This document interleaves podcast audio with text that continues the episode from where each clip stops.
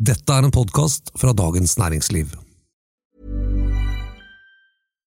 Hi, I'm Daniel, founder of Pretty Litter. Cats and cat owners deserve better than any old fashioned litter. That's why I teamed up with scientists and veterinarians to create Pretty Litter. Its innovative crystal formula has superior odor control and weighs up to 80% less than clay litter. Pretty Litter even monitors health by changing colors to help detect early signs of potential illness. It's the world's smartest kitty litter.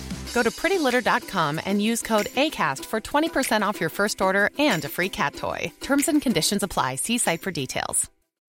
When you need mealtime inspiration, it's worth shopping Kroger, where you'll find over 30,000 mouthwatering choices that excite your inner foodie. And no matter what tasty choice you make, you'll enjoy our everyday low prices, plus extra ways to save, like digital coupons worth over $600 each week. You can also save up to $1 off per gallon at the pump with fuel points. More savings and more inspiring flavors make shopping Kroger worth it every time. Kroger, fresh for everyone. Fuel restrictions apply. Música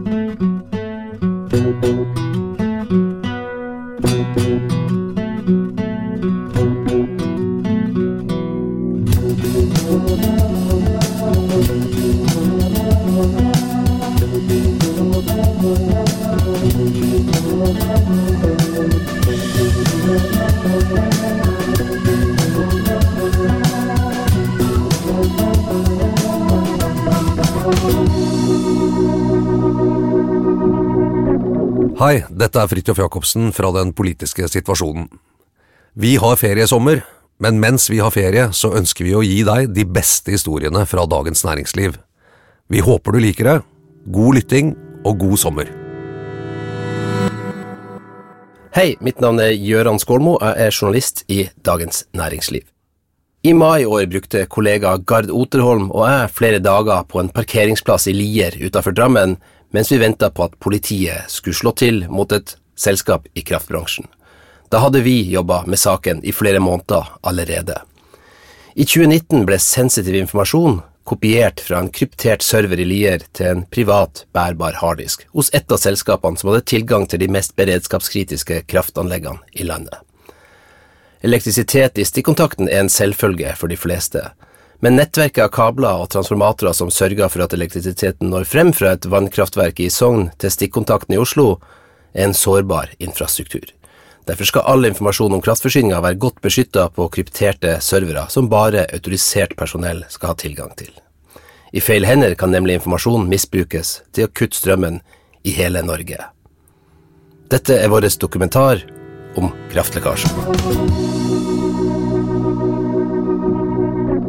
Kraftlekkasjen av Gjøran Skålmo og Gard Oterholm. Lest av Fanny Våger. Onsdag 11. mai 2022 Teamet samler seg foran en sort, Økokrim-registrert Volkswagen Caravelle. Politietterforskerne er kledd i sivil, men sambandsutstyr i øret skiller dem ut. Rundt klokken 8.15 går fem av dem med bestemte skritt mot inngang A i Kjelstad næringspark utenfor Drammen, raskt etterfulgt av to til. Målet er det to år gamle selskapet Norpec, som på rekordtid er blitt en stor leverandør i kraftsektoren. Nå marsjerer etterforskere inn i bedriftens lokaler på jakt etter beviser for at informasjon om den norske kraftforsyningen er kopiert og lagret i strid med loven. Kort tid etter dukker kvalitetssjefen i selskapet opp og vandrer rett inn i razziaen. Lysbuens far Motorveien E18 pløyer en fure gjennom det flate landskapet utenfor Drammen. En elv av biler skiller de to selskapene Jacobsen Elektro og Norpec, som står på hver sin side i en alvorlig politietterforskning. Jacobsen Elektro er en 140 år gammel tradisjonsbedrift som har bidratt i byggingen av store deler av Norges strømnett. Grunnleggeren Johannes Nicolai Jacobsen sto også bak produksjonen av en elektrisk kanon. Lysbuen den genererte bidro til å legge grunnlaget for etableringen av Norsk Hydro og dens gjødselproduksjon i 1905. I 1947 monterte ingeniører fra Jacobsen Elektro den første lysreguleringen til Trafalgar Square i London.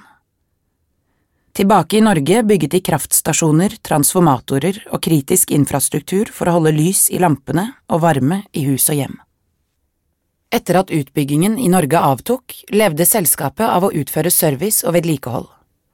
I vår digitale tidsalder handlet det om å oppgradere styringssystemer og kritiske sikkerhetsfunksjoner i kraftsystemet.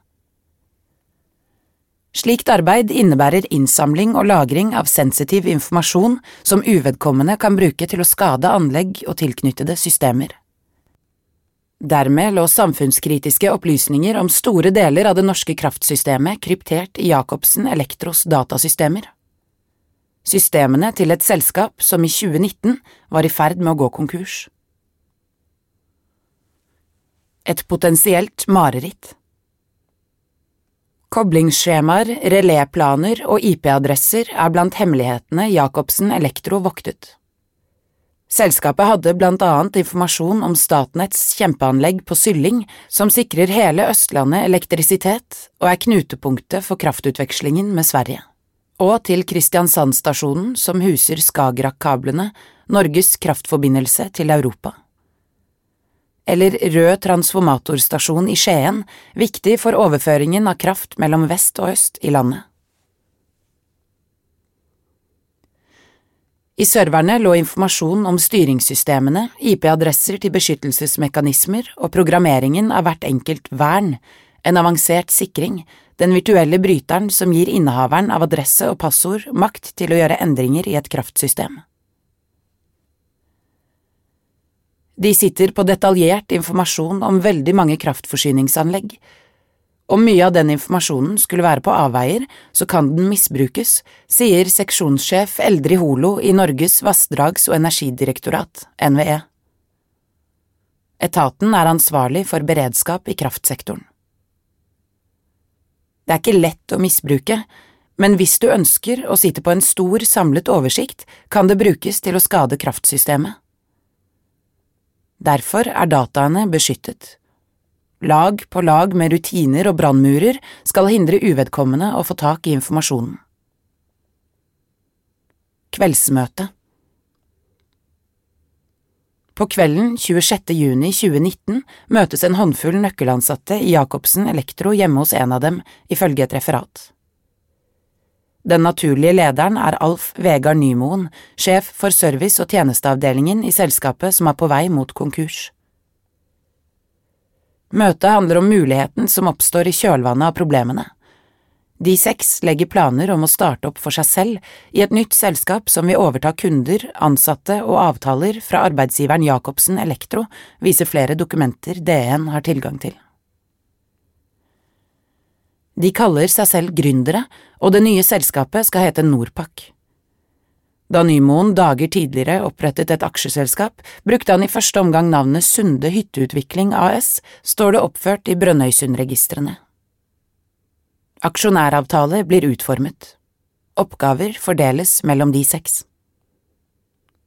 Kolleger i Jacobsen Elektro blir etter hvert vurdert, og mange får tilbud om å bli med over i den nye virksomheten, viser dokumenter DN har tilgang til. Om en av kollegene heter det mye sykemeldinger, men veldig erfaren. Deltid? spørsmålstegn. Kronen Juvelen i Jacobsen Elektro er en rammeavtale med Statnett som bidrar med mellom 30 og 40 millioner kroner i omsetning hvert år. Nå holder den på å utløpe, og selskapet jobber med anbud på en ny rammeavtale. Flere av de seks nøkkelpersonene er involvert i å utarbeide anbud for Jacobsen Elektro, men de legger også en annen plan. Norpac vil jobbe for å komme inn på en slik rammeavtale som partner eller underleverandør, heter det i en forretningsplan utformet av avhopperne sommeren 2019. Navnet på selskapet ble senere endret til Norpec. De noterer ned at de må følge med i konkurslistene hver dag. Hvis arbeidsgiveren går over ende, gjelder det å handle raskt. De trenger investorer. To stiller opp allerede dagen etter kveldsmøtet 26. juni. Når lysene slukkes Elektrisitet i stikkontakten er en selvfølge for de fleste. Nettopp derfor er strømnettverket en kritisk del av Norges infrastruktur underlagt et strengt regime.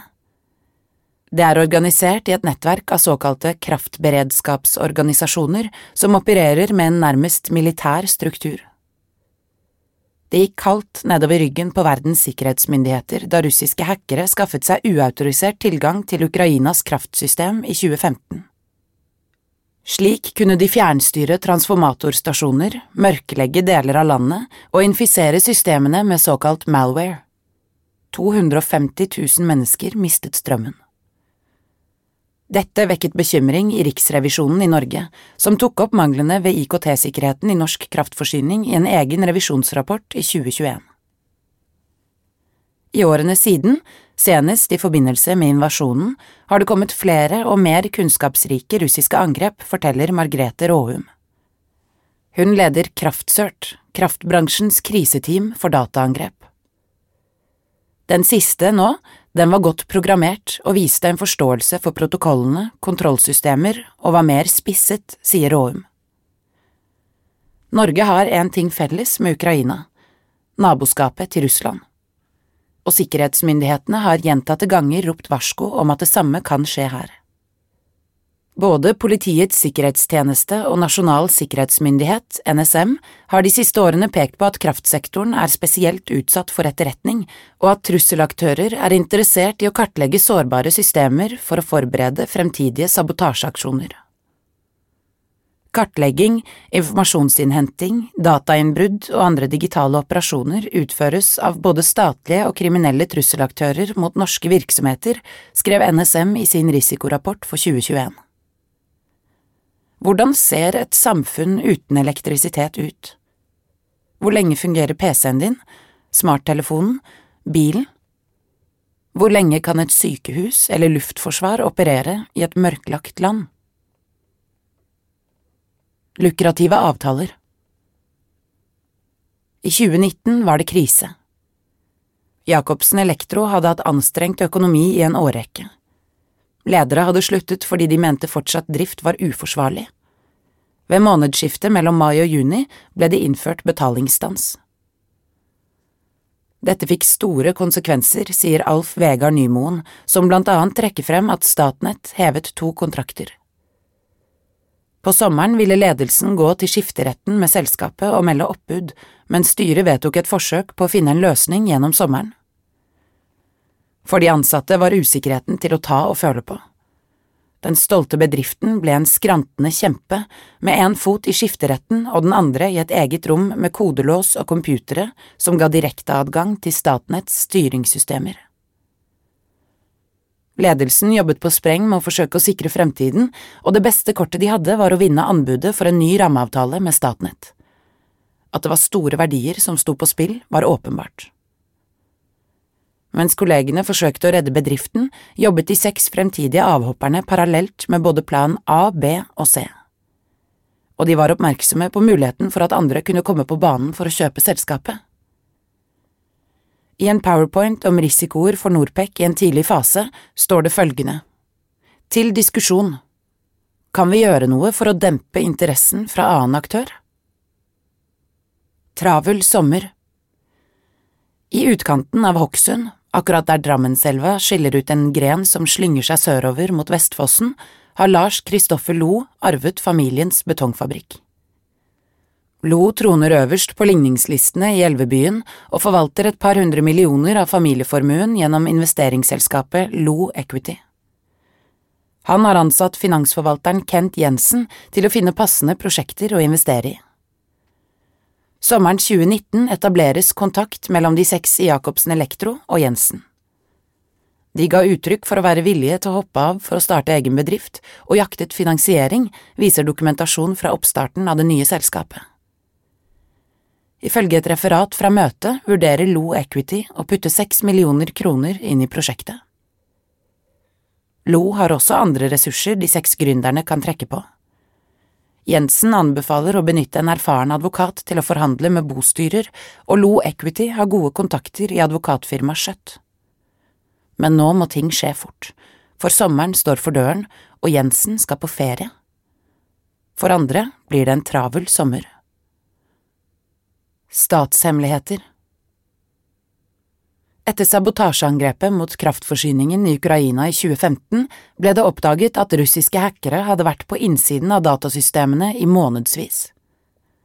USA begynte straks å sjekke på hjemmebane og fant russisk skadeprogramvare i ti ulike kraftkritiske systemer, inkludert et atomkraftverk i Kansas. Det tok måneder å rydde opp. I fjor gikk en russisk hackergruppe til angrep på datasystemene hos Colonial Pipeline, som forsyner halvparten av bensinstasjonene i hele USA med drivstoff. På timer var virksomheten tvunget i kne, markedet preget av panikk, og hackerne satte fram krav om millioner av dollar i løsepenger, utbetalt i bitcoin. I Norge er opplysninger om det samfunnskritiske kraftsystemet omfattet av en egen forskrift og omtalt i straffelovens paragraf om etterretningsvirksomhet mot statshemmeligheter. Det skal ikke mer enn noen tastetrykk til for å finne sentral informasjon om norske stasjoner, og hvilke som linker utenlandskablene fra Danmark og England til det norske nettet. Men detaljerte opplysninger om hvordan disse stasjonene er bygget og sikret, er mye vanskeligere å få tak i. Og nettopp disse opplysningene lå, tilsynelatende, trygt på serverne til Jacobsen Elektro. En bærbar harddisk etter noen uker med fri skulle den ivrige syklisten Alf Vegard Nymoen på jobb mot slutten av fellesferien sommeren 2019. Det viser selskapets oversikt. Nymoen er en bransjeveteran. I over 20 år har han jobbet med vern og kontroll av kraftanlegg, 15 av årene som leder i Jacobsen Elektro. På den ukens første dag, mandag 22. juli, skjer det noe på morgenen. En bærbar harddisk av typen Western Digital Passport er koblet til Nymoens jobb-PC. Så starter en omfattende kopiering av mapper fra Jacobsen Elektros servere til den bærbare harddisken, viser dokumentasjon som DN har tilgang til. Kopieringen foregår resten av arbeidsdagen og fortsetter både tirsdag og onsdag. Torsdag kopieres mappen med navnet Prodox, det verdifulle dataprogrammet Jacobsen Elektro har utviklet. Fredag kopieres over 150 mapper med navn på prosjekter utført for Jacobsen Elektros kunder, ifølge dokumentasjonen.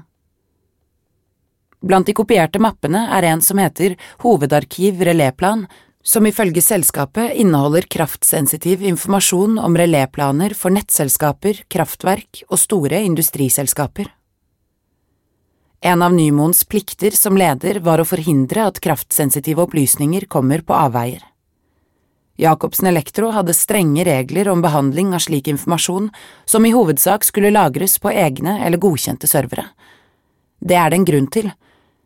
Dette er ikke den typen informasjon et samfunn vil ha flytende rundt i form av uautoriserte kopier på private harddisker. Plan ABC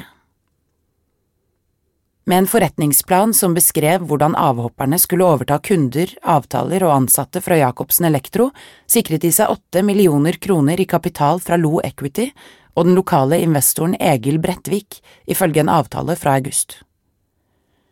Etter kapitalinnskuddet fra investorene satt de seks avhopperne med aksjemajoriteten, viser avtalen. Dokumenter fra oppstartsfasen viser at de jobbet med flere planer. Et alternativ var å kjøpe egne arbeidsplasser og virksomhet ut fra det skadeskutte selskapet. Andre løsninger gikk ut på å vente på konkursen og så kjøpe innmaten i selskapet. Eller plan C, oppstart fra bunnen. På tidspunktet Norpec kom på banen, var bransjen godt informert om problemene i Jacobsen Elektro. For Norpec var førsteprioritet å få på plass en avtale om kjøp av virksomhetsområdet service og tjenester. Hvis dette ikke lyktes og Jacobsen Elektro gikk konkurs, var siktemålet å kjøpe ut virksomhetsområdet fra konkursboet, sier Kent Jensen, som ble styreleder. Jacobsen Elektro var i dårlig forfatning fra før. I september 2019 leverte seks av nøkkelmedarbeiderne sine oppsigelser. Nå var krisen komplett. I spill Advokat Håvard Viker og hans team med konkurseksperter jobbet i oktober for å få kontroll på situasjonen i Jacobsen Elektro. Målet med det var jo å finne en løsning for selskapet, eventuelt en kjøper som kunne være interessert i å overta det, sier Viker.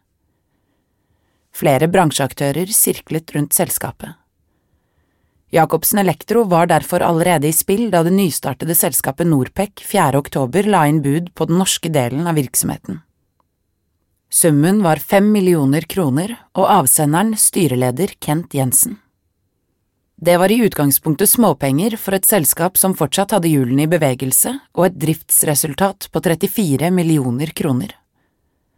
Det var ikke driften som var problemet, det var gjelden og utenlandsprosjektene som holdt på å dra selskapet under vann. Jacobsen Elektro takket nei. Ti dager senere gikk selskapet til skifteretten og ba om hjelp til å gjennomføre en såkalt tvangsakkord, en rettslig styrt gjeldsforhandling med kreditorene. Advokat Viker ble utnevnt av skifteretten for å lede gjeldsnemnden. Han bekrefter at det var flere interesserte kjøpere til den norske virksomheten, men det skulle bare gå noen dager før hele prosessen ble spolert. Samling på papirbredden Om kvelden 13. oktober tikker det inn en tekstmelding på telefonen til mange ansatte i Jacobsen Elektro. De blir invitert til et møte mandag kveld i Kunnskapsparken Papirbredden i Drammen sentrum. Du er invitert da vi også ønsker å gi deg et jobbtilbud med tilsvarende lønn du har hos JEL AS i dag, het det i en invitasjon fra Kent Jensen. Både investorer og avhoppere fra Jacobsen Elektro er til stede, for DN opplyst av flere kilder. De ansatte i Jacobsen Elektro blir presentert for planene. Norpec-gjengen ønsker å holde det unike kunnskapsmiljøet samlet, og har derfor satt opp et eget selskap som skal ta over hvis og når Jacobsen Elektro går konkurs. I Norpecs dokument om risikoer i en tidlig fase ble det tatt opp hva som kunne gjøres for å hindre konkurrerende kjøpere. Et av tiltakene som ble vurdert var å få andre til å si opp umiddelbart ved konkurs. Kjøperne Det var ikke bare Norpec som var interessert i Jacobsen Elektro. Selskapene Aventi og Kronus hadde kommet med et indikativt forslag, men trakk seg ut.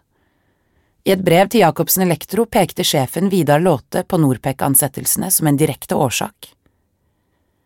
Før vi kom videre med avklaring av betingelsene i forslaget, hadde Norpac US inngått avtale om ansettelse av ca 30 ingeniører fra Jacobsen Elektros norske virksomhet, skrev Låte.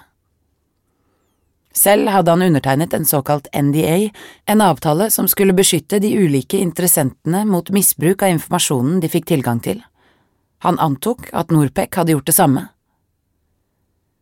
Selv om Kronus slash Aventi dermed er ute av konkurransen om å overta virksomheten fra Jacobsen Elektro, ønsker vi å gjenta at representanter for Norpac US sannsynligvis ikke har overholdt intensjonen med den NDA vi antar at de har signert, og at verdien av Jacobsen Elektros virksomhet som følge av dette falt betraktelig. Norpecs interesse for virksomheten, som potensiell kjøper eller mulig konkurrent, var kjent. Det kan nok ha påvirket verdien og interessen for selskapets virksomhet. Vi hadde forhandlinger om salg i forkant av konkursen, men lykkes ikke. Norpecs planer kan ha vært en medvirkende årsak til dette, sier Håvard Viker. Informert Da Norpex fremsatte tilbud om kjøp av virksomheten ble avslått, turte vi ikke vente på en nært forestående konkurs, sier Norpex styreleder Kent Jensen. Alt ville da bli mer uforutsigbart. Norpec ville uansett starte opp med sin planlagte virksomhet, også uten en avtale med Jacobsen Elektro, og vi ga derfor jobbtilbud til noen av de ansatte i selskapet. Vi kan ikke se at det er noe å utsette på det. Tvert imot er muligheten for dette helt sentral ved konkurransefriheten og mobiliteten i arbeidsmarkedet, sier han. Norpec fryktet at det unike kompetansemiljøet kom til å forsvinne, ifølge Jensen. Norpec var åpne overfor ledelsen i Jacobsen Elektro om at dette var en reell plan B for Norpec hvis budet ble avslått, og det ble blant annet kommunisert til Jacobsen Elektros juridiske rådgiver tre dager før vi gjennomførte informasjonsmøtet den 14. oktober 2019. Han avviser at selskapet har brutt en lojalitetsklausul. Norpec-styrelederen har sendt DN utdrag fra en taushetsavtale hvor det står at den ikke inneholder noen begrensninger for oppstart av konkurrerende virksomhet om partene ikke skulle bli enige. Som det fremkommer, var det en absolutt forutsetning for oss at vi sto helt fritt. Vi aksepterte ikke å være bundet på noe vis hvis vi ikke skulle komme til enighet om en avtale. Dette er grunnen til at NDA-en ble formulert slik den ble, som tydeligvis er helt annerledes enn hva andre interessenter signerte på, sier han. Jensen har fått informasjon fra DN om innholdet i denne artikkelen, og mener det gir inntrykk av å bygge på en ensidig fremstilling av saken som ikke gjenspeiler den reelle situasjonen for styret, ledelsen og ansatte i Jacobsen Elektro i 2019. Dette er forståelig ut fra informasjonskildene DN har hatt tilgjengelige, men fremstillingen medfører mange faktiske feil og uriktige antagelser, sier Jensen. Det brukes uttrykk som avhoppere, mens det egentlig bare dreier seg om ansatte som har benyttet seg av sin oppsigelsesadgang og sin rett til å bytte arbeidsplass, i en situasjon hvor deres daværende arbeidsplass var svært usikker, sier han. En varsler på innsiden Internt i Jacobsen Elektro vokste uroen. Rykter og opplysninger om rekrutteringsmøter og avhoppere begynte å svirre. Noen utvalgte var invitert til et nytt selskap, mens andre gikk en usikker fremtid i møte. Spillet om Jacobsen Elektros fremtid førte til at en anonym varsler sendte inn et formelt varsel gjennom selskapets varslingskanal. Alf Vegard Nymoen ble innkalt til møte med Jacobsen Elektros advokatforbindelse for å forklare seg om prosessen. Han stiller med advokat fra Skjøtt. I møtet sier Nymoen at investorene Egil Brettvik og Kent Jensen kontaktet ham om Norpec sommeren 2019. Når han blir spurt om ledelsen i Jacobsen Elektro har gitt samtykke til å gå på enkelte ansatte, svarer Nymoen ifølge en oppsummering av samtalen at han ikke har vært involvert verken på JDL sin side eller Norpec sin side. Granskerne spør om Nymoen har gitt konfidensiell informasjon om driften i Jacobsen Elektro til Norpec. De spør om han har gitt opplysninger om ansatte, lønn, kunder, prosjekter eller økonomi. Nymoen nekter for å ha gitt noen informasjon utover det han er blitt bedt om av Jacobsen Elektro. Nymoens advokat mener, ifølge møtereferatet, at intervjuet fremstår mer som en granskning av prosessen enn en varslingssak, og at det hele er et uttrykk for manglende tillit. Nymoen blir også spurt om å la arbeidsgiveren gå gjennom e-post eller mobiltelefon for å se hvilken kontakt han hadde hatt med Jensen og Brettvik, men advokaten han har med seg i møtet opplyser da at det ikke er aktuelt å ta stilling til det før det gis en nærmere begrunnelse. Snart må Nymoen likevel levere fra seg datamaskinen. To dager etter går Jacobsen Elektro konkurs. Trykket stemning Bobestyrer Håvard Viker brukte bare noen få dager på å komme opp med en redningsplan for det konkursrammede selskapet. Flere aktører hadde allerede vist interesse, og Viker la opp til en lukket budrunde blant interessentene. Han bekrefter at Norpec var blant budgiverne, men det fantes en annen kjøper som var villig til å betale mer for å drive Jacobsen Elektro videre. Invex Group, eid av forretningsmannen Gudleiv Bjørklund, hadde det høyeste budet. Da Viker kom til Lier for å presentere den nye eieren, møtte advokaten noe sjeldent. Det var en veldig merkelig stemning, forteller han. Vanligvis er folk glade for at det kommer inn en ny eier, slik at de ikke mister jobben, men hos Jacobsen Elektro var det bare helt dødt. Og kanskje var det ikke så rart. De nøkkelansatte hadde akkurat tapt budrunden. Velkommen til Lier. Det første som skjedde var at vi fikk beskjed fra advokatene om at vi ikke fikk komme inn i lokalene til selskapet vi hadde kjøpt, og derfra var det bare hindring på hindring som ble lagt i veien for oss, forteller Gudleif Bjørklund. Snart viste det seg at Norpec overtok leiekontrakten i Kjelstad næringspark, der Jacobsen Elektro hadde holdt til. Bjørklund og Invex Group lever av å kjøpe opp bedrifter som sliter, for så å restrukturere. At Norpec turte å starte opp med mer enn 30 ansatte i dyre lokaler i Lier, var oppsiktsvekkende. Det er jo helt vanvittige startkostnader. Det hang ikke på greip i det hele tatt, med mindre de også hadde tatt med seg data og avtaler fra oss, sier han. Å slutte etter konkurs og starte ny business er helt fair, det, men da må man legge fra seg PC-er og bedriftens eiendeler når man går ut døren og starte opp naken men dette var åpenbart noe helt annet, sier han. Nå så han for seg en lengre motbakke enn forutsatt. Vi ser at Gudleif Bjørklund forsøker å bebreide oss for rekrutteringen, men det har han ikke noe grunnlag for. Det må også være på det rene at han blir gjort kjent med alle som hadde sagt opp sine stillinger i Jacobsen Elektro for å begynne i Norpec på tidspunktet Invex Group kom på banen, sier Norpec styreleder Kent Jensen. Tipset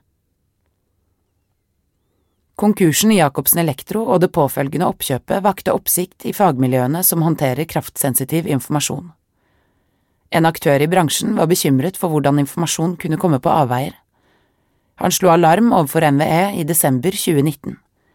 I prinsippet kunne hvem som helst kjøpe opp et konkursbo, også aktører med onde hensikter.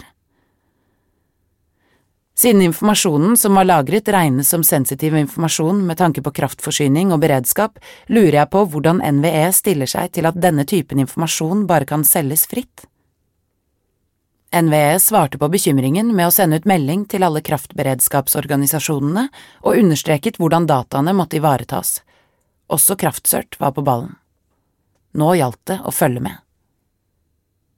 Overføringen En av kraftberedskapsorganisasjonene som hadde et stort kundeforhold hos Jacobsen Elektro, var det statlige foretaket Statnett. Raskt etter konkursen skulle datamaskiner med kraftsensitiv informasjon leveres tilbake fra konkursboet, men en seksjonsleder i Statnett foreslo en annen løsning. Et alternativ for å unngå snarlig innlevering er om vår tidligere avtale med Jacobsen Elektro kan overdras til Norpec og Norpec kan fortsette virksomheten. Bobestyrer Håvard Viker reagerte. Virksomheten i selskapet ble i går solgt til Imex Group. Kommentarene i siste avsnitt i din e-post gir meg grunn til bekymring, skrev Viker tilbake i starten av desember. Han mente det kunne se ut som Statnett og enkelte ansatte som synes å skulle gå over til Norpec allerede i dag, er enige om overføring og videreføring. Statnett svarte at det ikke var inngått avtaler om at noe skulle videreføres til Norpec fra Jacobsen Elektro. Ok, da kan vi vel vanskelig overlevere utstyr dit, konstaterer Viker. Statnett sier forslaget var en misforståelse. Vedkommende var ikke kjent med at Invex Group hadde kjøpt virksomheten, sier kommunikasjonsdirektør Henrik Glette. Nøklene En annen ting Statnett måtte få kontroll over, var nøkler til egne bevoktede anlegg. Flere ansatte i Jacobsen Elektro hadde slike, som måtte leveres tilbake. Men da Statnett ble informert om at de skulle begynne i Norpec, kunne de få beholde nøklene.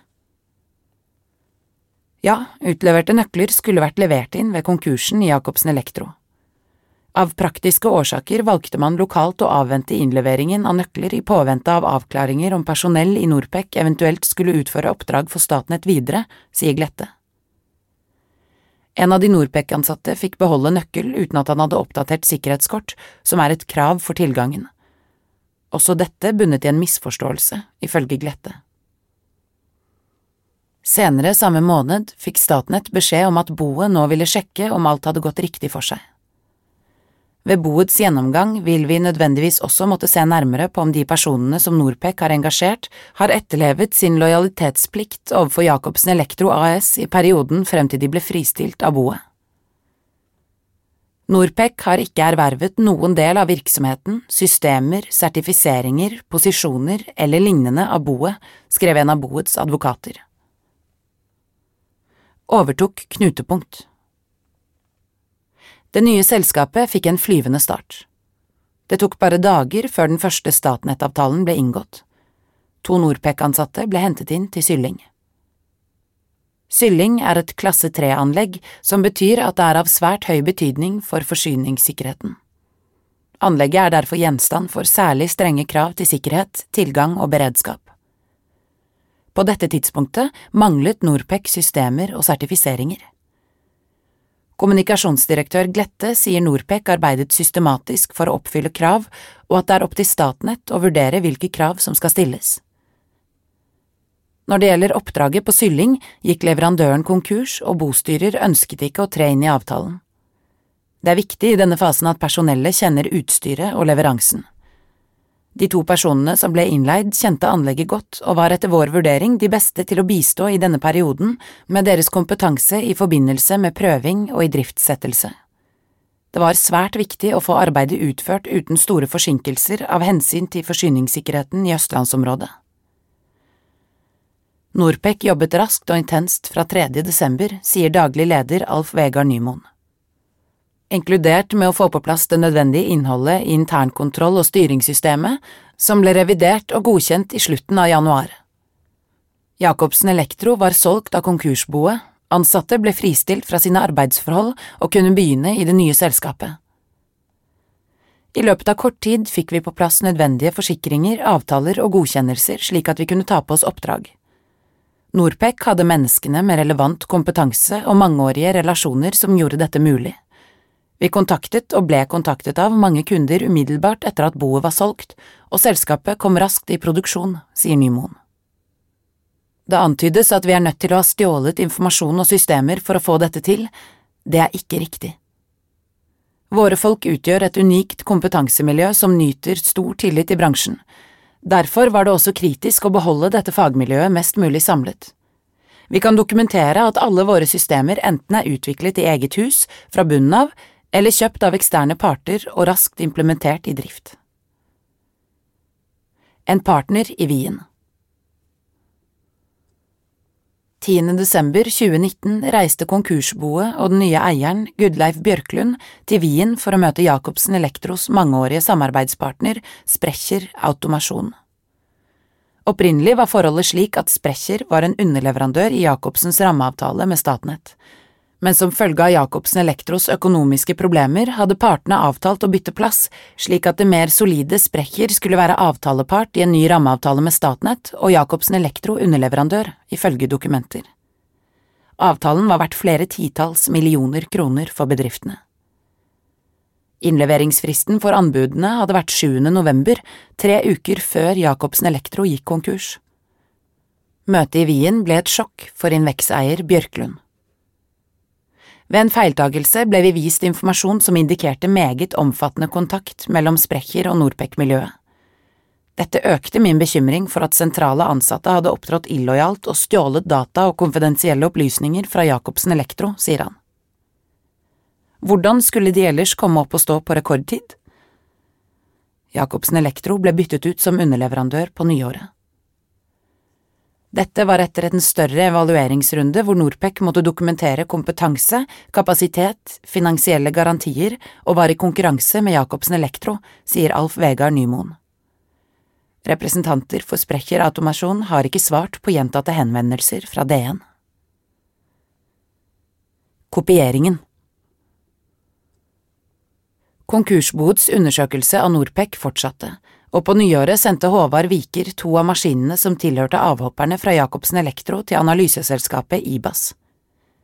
De ansatte der er eksperter på å finne informasjon eierne trodde var slettet eller tapt for alltid. Politi og domstoler er på kundelisten. På Norpec-sjef Alf Vegard Nymoens jobb-PC fant IBAS spor av at mapper med flere tusen filer fra selskapet var kopiert over på en privat harddisk inkludert hele prosjektarkivet og dokumenter knyttet til anbudsprosessen om Statnett-rammeavtalen. I de kopierte mappene lå, ifølge selskapet, detaljerte beskrivelser av et stort antall beredskapskritiske trafostasjoner og kraftverk. IBAS oppsummerte. Det kan konstateres at et stort antall mapper fra selskapets server er blitt kopiert og plassert på den eksterne harddisken. Den andre PC-en, sendt til analyse, tilhørte Norpecs kvalitetssjef, som også hadde jobbet i Jacobsen Elektro og har russisk bakgrunn. På den konkluderte ikke IBAS med at det hadde vært kopiering. Men de ansatte fant spor av Google-søk på søkeord som straffansvar for brudd på konfidensialitet og er det mulig å spore nedlastninger fra dataprogrammene Confluence og Jira som Jacobsen Elektro brukte i sitt arbeid. Vedrørende selskapets kvalitetssjef sier Norpecs styreleder Kent Jensen. Spørsmålene som er stilt rundt vår kvalitetssjefs involvering i saken, har et grovt diskriminerende og potensielt injurierende tilsnitt. Vern av vern Allerede flere måneder før Jacobsen Elektro gikk konkurs, hadde de seks avhopperne inngått en avtale med investorene Lars Kristoffer Lo og Egil Bredtvik. I et signert termsheet fra august 2019, altså uker før avhopperne sa opp sine jobber i Jacobsen Elektro, fremgår det at Nymoen og de andre avhopperne er å anse som gründere av Norpec, med Lo Equity og Bredtvik som investorer. Intensjonen var at selskapet skulle utvikles, stige i verdi og deretter selges til ekstern investor i løpet av tre til fem år. Ifølge dokumentet var en av forutsetningene for opprettelsen av Norpec at selskapet kunne overta Jacobsen Elektros verdifulle dataverktøy, Prodox. Verktøyet er spesielt nyttig i arbeidet med å koordinere og dokumentere sikkerhetsfunksjoner som sikrer et stabilt og driftssikkert kraftsystem i Norge. Uten det kunne partene trekke seg fra avtalen. Verktøyet var imidlertid en del av de immaterielle eiendelene Invex Group kjøpte fra konkursboet. I dokumenter som er gjenfunnet på avhoppernes PC-er, fremgår det at hvis Norpec ikke fikk kjøpe Prodox fra konkursboet, var plan B å utvikle et eget system kalt Prodosi. IBAS-rapporten om Alf Vegard Nymoens PC viste at mappen ved navn Prodox var kopiert, ikke bare én gang, men to ganger, til en bærbar harddisk. Den siste kopien ble lastet ned 12. november, et par uker før konkursen. Invex-eieren Gudleif Bjørklund, som har investert millioner for å redde Jacobsen Elektro etter konkursen, ble rasende. Dette viser jo hvordan de stjal store verdier fra Jacobsen Elektro. Uten datatyveriet hadde de sannsynligvis ikke våget å lokke over og starte et nytt selskap med drøyt 30 høykompetente ansatte. Trygge hender DN har spurt Nymoen og Jensen hvem som kopierte fra Nymoens jobb-PC til den eksterne harddisken. Jensen har henvist til den pågående politietterforskningen og sier de av hensyn til den ikke kan svare. Nymoen har uttalt Så langt vi har klart å bringe på det rene, er det ikke overført noe kraftsensitiv informasjon fra Jacobsen Elektro til Norpec. Selv om slik informasjon skulle være overført, er og vil kraftsensitiv informasjon uansett alltid være i trygge hender hos Norpec. Enhver KBO-enhet og NVE er velkommen på kontroll når det måtte være. Han sier alle ansatte i Norpec har lang erfaring med å jobbe med den typen opplysninger og vet godt hva som er eller bør klassifiseres som kraftsensitivt. Nymoen avviser å ha delt programmet Prodox med sitt nye selskap. Norpec har utviklet et eget programverktøy for elevplanlegging, kalt TD-Plan.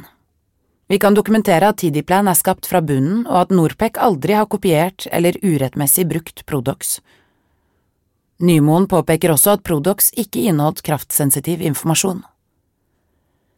Han sier at tilsvarende verktøy finnes hos kunder og andre leverandører. DN har spurt hvorfor Prodox da var en forutsetning i avtalen mellom gründerne og investorene fra august 2019, men har ikke fått svar på det. Planen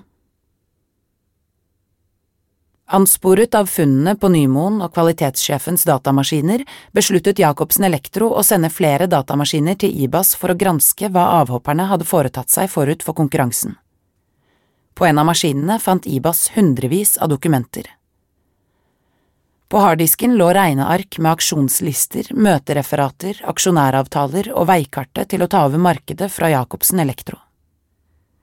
I et regneark kalt Plan B, Plan C aktiviteter opprettet i juli, over fire måneder før konkursen, er det beskrevet hvordan Norpec skulle lage egne serviceplaner basert på JDL sine, hvordan ansatte i Jacobsen Elektro i anbudsprosesser skulle påse at kalkylene er gode for Norpec. Det toppet seg i slutten av september. På dette tidspunktet jobbet Jacobsen Elektro på høygir med det felles anbudet på Statnetts rammeavtale med Sprecher.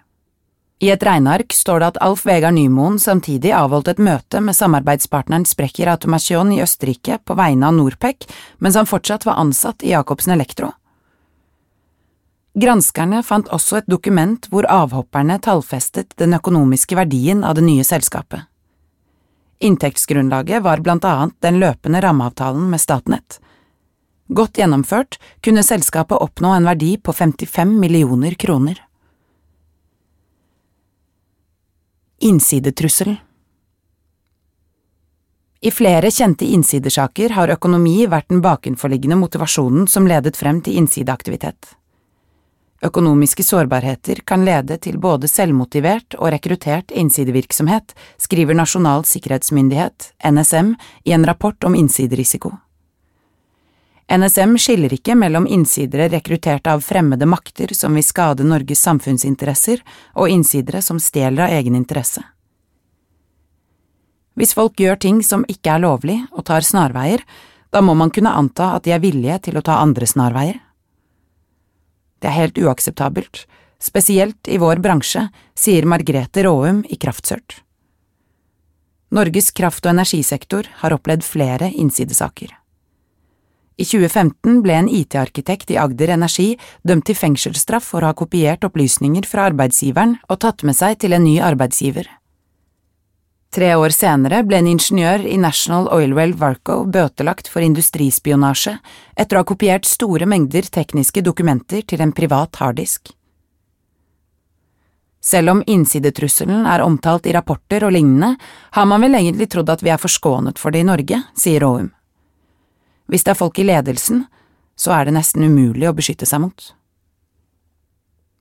Uvitende I februar 2020 fikk Statnett, gjennom sin representant i bostyret, vite at konkursboet til Jacobsen Elektro satt på opplysninger om at det kunne ha blitt delt sensitiv forretningsinformasjon. Konkursboet kom frem til at IBAS-rapportene styrket mistankene, men etter en drøftelse med bostyret ble saken lagt bort høsten 2020, grunnet risikoen tilknyttet et erstatningssøksmål og kostnadene ved ytterligere granskning. Dette kommer frem i boets redegjørelse for 2020. I 2020 fikk ikke Statnett IBAS-rapportene, noe det statlige selskapet reagerer på.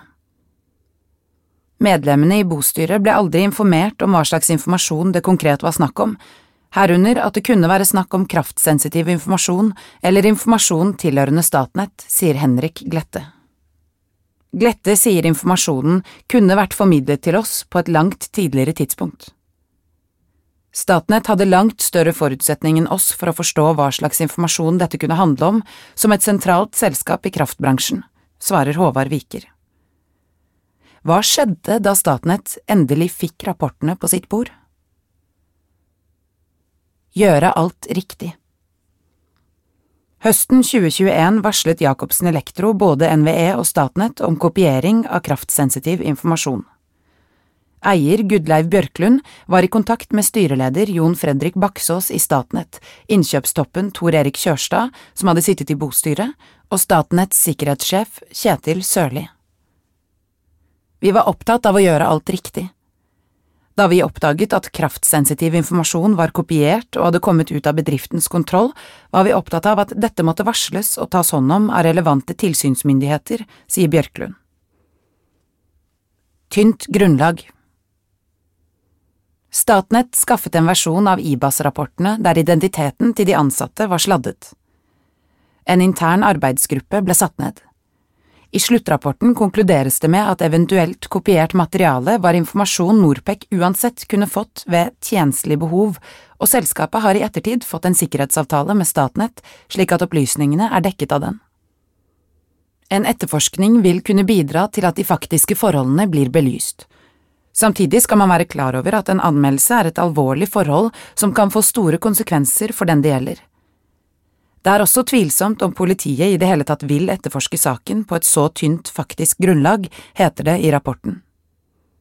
Arbeidsgruppen kom frem til at grunnlaget for en anmeldelse ikke var tilstrekkelig.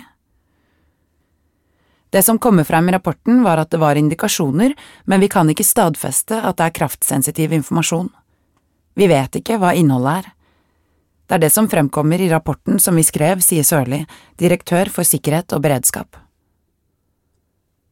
Statnett konkluderte med at selskapet rett og slett ikke kunne vite om kraftsensitiv informasjon var på avveier eller ikke. Saken ble ikke undersøkt noe ytterligere, og anklagen ble ikke tatt opp med Norpec. Dere vet altså ikke hva som har skjedd med informasjonen som er tatt på disse harddiskene? Det er umulig for oss å vite. Det er ikke noe tagging på den informasjonen sånn at vi kan følge det rundt i cyberspace, sier Sørli. Hvor er de harddiskene nå? Ja, det vet vi jo ikke heller. Anmeldelsen Den 11. mai i år marsjerte politiet inn i Norpecs lokaler. Statnetts juridiske vurdering konkluderte med at det ikke var noe grunnlag for en anmeldelse, men også NVE, som har ansvar for beredskap i kraftsektoren, så på saken. Vi har gjort en vurdering knyttet til håndtering av kraftsensitiv informasjon opp mot kraftberedskapsforskriften, og at kraftsensitiv informasjon er på avveier, og vi har kommet til en annen konklusjon enn Statnett, sier seksjonssjef Eldrid Holo. NVE hørte for første gang at kraftsensitiv informasjon kunne være på avveier høsten 2021. I februar valgte etaten å anmelde Norpec, daglig leder Alf Vegard Nymoen og kvalitetssjefen. Svært omfattende og alvorlig. I anmeldelsen står det at selskapet og personene etter NVEs vurdering har brutt reglene om taushetsplikt for kraftsensitiv informasjon og krav til håndtering og oppbevaring av sensitiv informasjon om norsk kraftforsyning. Etter NVEs vurdering er det på bakgrunn av informasjonen oversendt fra Jacobsen Elektro tydelig at de anmeldte personene, som nå har vært med på å opprette og arbeider i Norpec AS, med viten og vilje har hentet ut kraftsensitiv informasjon fra Jacobsen Elektros passordbeskyttede server for å bringe denne med seg inn i det nyopprettede selskapet. Disse handlingene er i strid med både etablerte sikkerhetsrutiner, taushetserklæringer som alle ansatte har signert, og taushetsplikten i energiloven, heter det. Direktoratet presiserer i anmeldelsen at det ikke kjenner til sammenlignbare saker. Når det gjelder omfanget og alvorlighetsgraden på den kraftsensitive informasjonen kopiert fra Jacobsen Elektros server, vurderer NVE denne å være svært omfattende og alvorlig. NVE vurderer at den aktuelle informasjonen har et stort skadepotensial dersom den skulle havne hos uvedkommende med onde hensikter. Dokumentasjonen omfatter et stort antall anlegg, hvorav mange er plassert i høyeste beredskapsklasse etter kraftberedskapsforskriften. Skjermingsverdien gjelder både fysiske og logiske trusler. Vi ønsker å vite hva politiet finner, selvfølgelig. Fra Norpecs side har det blitt uttrykt at siktelsen gjelder forretningssensitiv informasjon. NVE sier de har anmeldt på grunn av kraftsensitiv informasjon. Vi må vente og se hva de finner ut av, sier konserndirektør Elisabeth Vardheim i Statnett. Og hva tenker de beredskapsansvarlige i NVE om Statnetts håndtering? NVE har ikke fulgt opp om det Statnett gjorde i denne saken var riktig eller godt nok. Det kommer vi til å gjøre når etterforskningen er avsluttet, sier Eldrid Holo. Ingen holdepunkter Norpec-styreleder Kent Jensen reagerer på DNs omtale av trusselen mot kraftsektoren nasjonalt og internasjonalt i denne artikkelen. DNs e-postkorrespondanse med oss forut for publisering av artikkelen inneholder høyst problematiske antydninger om at denne saken har en side til spionasje, etterretningsvirksomhet og aktører som har interesse i å kartlegge sårbare systemer med sikte på fremtidige sabotasjeaksjoner, sier Jensen. Det er vanskelig å fri seg fra inntrykket av at det forsøkes å skape en kobling mellom slike aktører og Norpec og dets ansatte. Det er imidlertid ingen holdepunkter i saken for noen slik sammenheng, herunder i de siktelsene som er tatt ut. Han viser til at saken er under etterforskning av Sør-Øst politidistrikt og ikke Politiets sikkerhetstjeneste. Koblingen mellom Norpec og denne saken på den ene siden og dagens trusselsituasjon på den andre mangler derfor enhver forankring i sakens faktiske omstendigheter. Enhver antydning som dette vil derfor være i strid med pressens etiske regelverk. Omtalen vil etter omstendighetene også kunne ha en side mot injurielovgivningen. PSTs kommunikasjonsdirektør, Trond Hugebakken, sier PST er kjent med saken og den pågående etterforskningen i Sør-Øst politidistrikt. Vi ønsker ikke å gi kommentarer til en sak som er under etterforskning av andre enn PST. DN har forelagt Norpecs gründere, investor Egil Brettvik og kvalitetssjefen informasjon om innholdet i denne artikkelen. De som ikke uttaler seg i denne saken, har henvist til enten daglig leder Nymoen eller styreleder Jensen. Varsling og anmeldelse Jacobsen Elektro har også anmeldt Norpec og de seks avhopperne for tyveri av konkurransesensitiv informasjon. Etter at vi fikk tilgang til IBAS-rapportene fra bostyret i oktober i fjor, skjønte vi raskt at kraftsensitiv informasjon var på avveier. Som forvalter av denne typen informasjon utløser dette en handlingsplikt. Vi valgte derfor umiddelbart å varsle NVE, som vi opplever har fulgt opp denne saken på en svært profesjonell og proaktiv måte, sier daglig leder Lars Karlsen i Jacobsen Elektro. Taushetsbestemmelser Det har altså kommet inn to anmeldelser i saken, fra henholdsvis NVE og Jacobsen Elektro. Politiadvokat Hedda Obstfelder bekrefter at Norpec er siktet. Fordi det er skjellig grunn til å mistenke at de besitter bedriftshemmeligheter som de ikke skulle hatt, sier hun. Obstfelder påpeker at det er tidlig i etterforskningen. Siktelsen er meget overraskende for oss, sa Kent Jensen til DN en uke etter razziaen. Vi har ikke krenket forretningshemmeligheter tilhørende andre. Jensen la til at selskapet tok siktelsen på største alvor og vil iverksette de undersøkelser og tiltak som er nødvendige. Obstfelder opplyser at også enkeltpersoner er siktet i saken, men vil ikke gå inn på antall. Siktelsen gjelder brudd på straffelovens paragraf 207 om krenkelse av bedriftshemmeligheter og også taushetsbestemmelsene i energiloven og kraftberedskapsforskriften. I rettsdokumenter går det frem at syv ledende personer i selskapet er siktet i saken. DN vet ikke hvilke av siktelsene som omhandler forretningshemmeligheter og hvilke som gjelder håndtering av kraftsensitiv informasjon. Politiet har ikke oversendt siktelsene mot de syv ansatte til Norpec, og vi kan derfor ikke oversende disse eller gi noen samlet redegjørelse for innholdet. Vi er imidlertid kjent med at i hvert fall noen av siktelsene mot enkeltpersoner også gjelder brudd på energiloven, sier Kent Jensen. Jeg heter Kjetil Sæter, og jeg er journalist i Dagens Næringsliv. Neste uke skal du få høre en historie som kollega Knut Gjernes og jeg har gravd fram. Den starter på et bortgjemt gammelt tresliperi nede ved Randselva på Ringerike. Nylig ble det nytt liv i de nedslitte lokalene. Det ble installert overvåkningskameraer. Naboer registrerte at det kom fremmede mennesker og biler, og det kom svære konteinere med datautstyr. Hva er det egentlig som foregår i den gamle fabrikken? Har de begynt å mine kryptovaluta nede ved Randselva? Og hvorfor er alt omsluttet av et slør av hemmelighold? Sporene førte oss til en liten by på grensen mellom Nederland og Tyskland, og til Düsseldorf. Der fant vi en rik og jaget tysk forretningsmann. Han omtales bare som Mr. V. God lytting. Likte du det du hørte? Vi har veldig lyst til å høre hva du syns om denne episoden, og kanskje har du også tips til andre saker vi kan skrive om i Dagens Næringsliv. Send oss gjerne en mail på tips krøllalfa dn.no.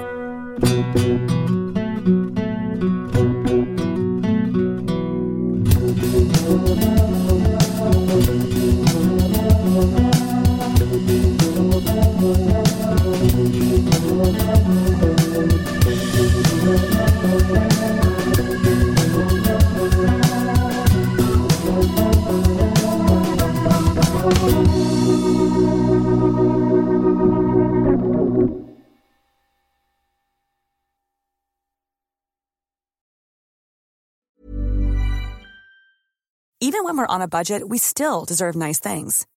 Quince is a place to scoop up stunning high-end goods for 50 to 80% less than similar brands. They have buttery soft cashmere sweaters starting at $50, luxurious Italian leather bags, and so much more. Plus, Quince only works with factories that use safe, ethical, and responsible manufacturing. Get the high-end goods you'll love without the high price tag with Quince. Go to quince.com/style for free shipping and 365-day returns. Du har nå hørt en podkast fra Dagens Næringsliv.